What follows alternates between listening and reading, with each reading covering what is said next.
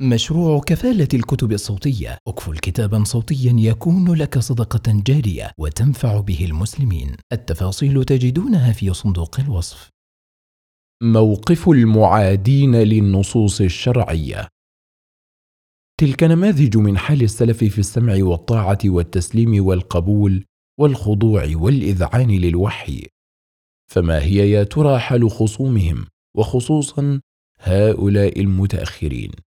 الجواب أنها على مرتبتين.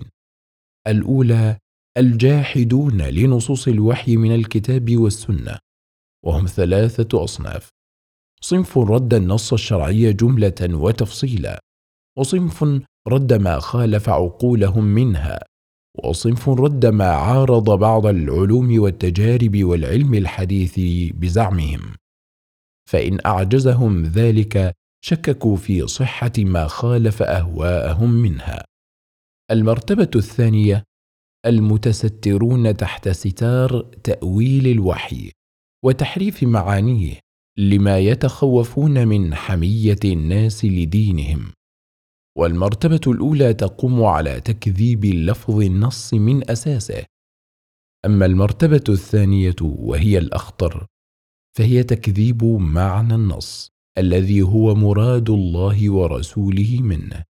وأصحاب هاتين المرتبتين في الحقيقة يستهدفون أصل الدين الذي هو الانقياد والاستسلام لله ورسوله بالمقاومة والمعارضة. فالجحد فيه عناد وعدم انقياد للفظ النص والتأويل فيه عناد وعدم انقياد لمعنى النص. والانقياد والاستسلام هو أصل الدين كله فحقيقته الانقياد التام لللفظ نصا ومعنى. ومن تأمل تاريخ البدع والانحرافات علم أن أكثر ضلال المنتسبين للإسلام لم يأت من جحد الوحي وإنما من تأويل معانيه على غير مراد الله ورسوله. وهذه طريقة كثير من أهل الأهواء. كلما أعيتهم الحيل في رد النصوص لجأوا إلى التأويل الذي حقيقته تحريف وتلاعب بالنصوص. وتحريف معاني النصوص مع إبقاء اللفظ على ما هو عليه من سنن اليهود الذين وصفهم الله بقوله يسمعون كلام الله ثم يحرفونه من بعد ما عقلوه وهم يعلمون. ولما كان النبي صلى الله عليه وسلم قد أخبر أن هذه الأمة تتبع سنن من قبلها حذو القذة بالقذة وجب أن يكون فيهم من يحرف الكلم عن مواضعه فيغير معنى الكتاب والسنة فيما أخبر الله به أو أمر به. وهذا المسلك من المزالق العظيمة التي انحرف بسببها كثير من الناس. قال ابن القيم رحمه الله هذا وأصل بلية الإسلام من تأويل ذي التحريف والبطلان وقد لخص ابن برهان مفاسد التأويل الفاسد بقوله ولم يزل الزال إلا بالتأويل الفاسد. وهل اختلفت الأمة على أنبيائهم إلا بالتأويل؟ وهل وقعت في الأمة فتنة كبيرة أو صغيرة إلا بالتأويل؟ وهل اريقت دماء المسلمين في الفتن إلا بالتأويل؟ فباب التأويل باب عريض دخل منه الزنادقة لهدم الإسلام فحرفوا النصوص وصرفوها عن ظواهرها وحملوها من المعاني ما يشتهون. قال بشر المريسي ليس شيء أنقض لقولنا من القرآن فأقروا به في الظاهر ثم صرفوه بالتأويل.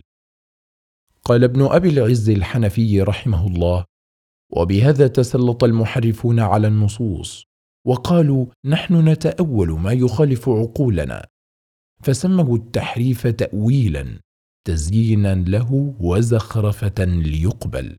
انتهى قوله. ولقد عرف المسلمون خلال التاريخ فرقا وافرادا سلكوا مسلك تحريف النصوص عن معناها وتأويلها تاويلا يتوافق مع أفكارهم المنحرفة كالمعتزلة والخوارج والفرق الباطنية وبعض المتصوفة. فما تركوا شيئا من أمر الدين إلا أولوه. ولولا حماية الله ورعايته لهذا الدين لدرست معالمه وضاعت حدوده. لقد أول الضالون الواجبات فصرفوها عن وجهها وهونوا على أتباعهم رميها وراء ظهورهم. وأول المحرمات تاويلا جرا العصاة على ارتكابها والولوغ فيها. وأول نصوص عذاب القبر ونعيمه. والساعة وأهوالها والمعاد والحشر والميزان والجنة والنار بحيث فقدت النصوص تأثيرها في نفوس العباد.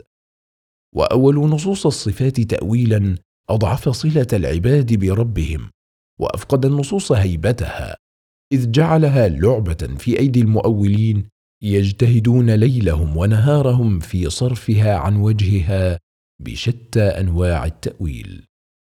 ومن الأمثلة على الانحرافات في فهم النصوص عند بعض المتقدمين مانع الزكاة؟ الذين زعموا أن قوله تعالى خذ من أموالهم صدقة تطهرهم وتزكيهم بها وصل عليهم إن صلاتك سكن لهم والله سميع عليم. يدل على أن الزكاة تدفع للنبي صلى الله عليه وسلم فقط فإذا مات فلا زكاة. ولذلك قاتلهم الصديق رضي الله عنه على منعها.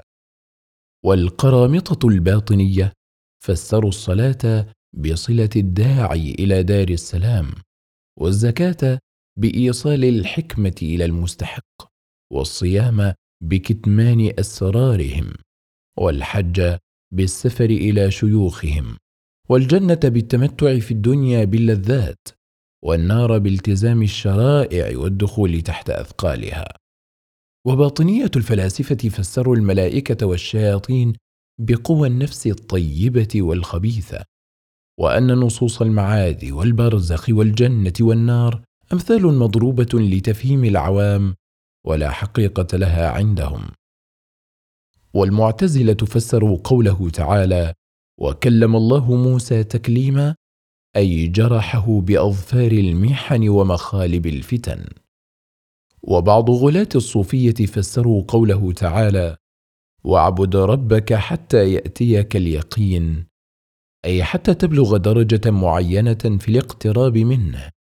فإذا وصلتها فقد ارتفع عنك التكليف. وأن معنى قوله وإلى السماء كيف رفعت؟ أي إلى الأرواح كيف جالت في الغيوب وإلى الجبال كيف نصبت. أشار الله تعالى إلى قلوب العارفين كيف أطاقت حمل المعرفة. ولما سئل بعضهم عن الحجة في الرقص قال إذا زلزلت الأرض زلزالها. وفسر بعض الغلاة البقرة المطلوبة للذبح في قوله تعالى: وإذ قال موسى لقومه إن الله يأمركم أن تذبحوا بقرة، بأنها عائشة أم المؤمنين رضي الله عنها، وأن المقصود بقوله مرج البحرين يلتقيان علي وفاطمة، يخرج منهما اللؤلؤ والمرجان الحسن والحسين. والشجرة الملعونة في القرآن بنو أمية، وفسر بعضهم قوله صلى الله عليه وسلم إنه لا نبي بعدي كما روى البخاري ومسلم بأنه تبشير بنبي سيأتي بعده اسمه لا.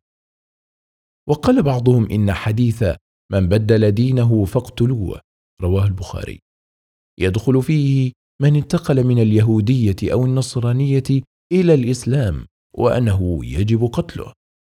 فظاهرة تحريف معاني النصوص الشرعية لم تنقطع عبر الزمن ولا تزال مستمرة حتى وقتنا الحاضر.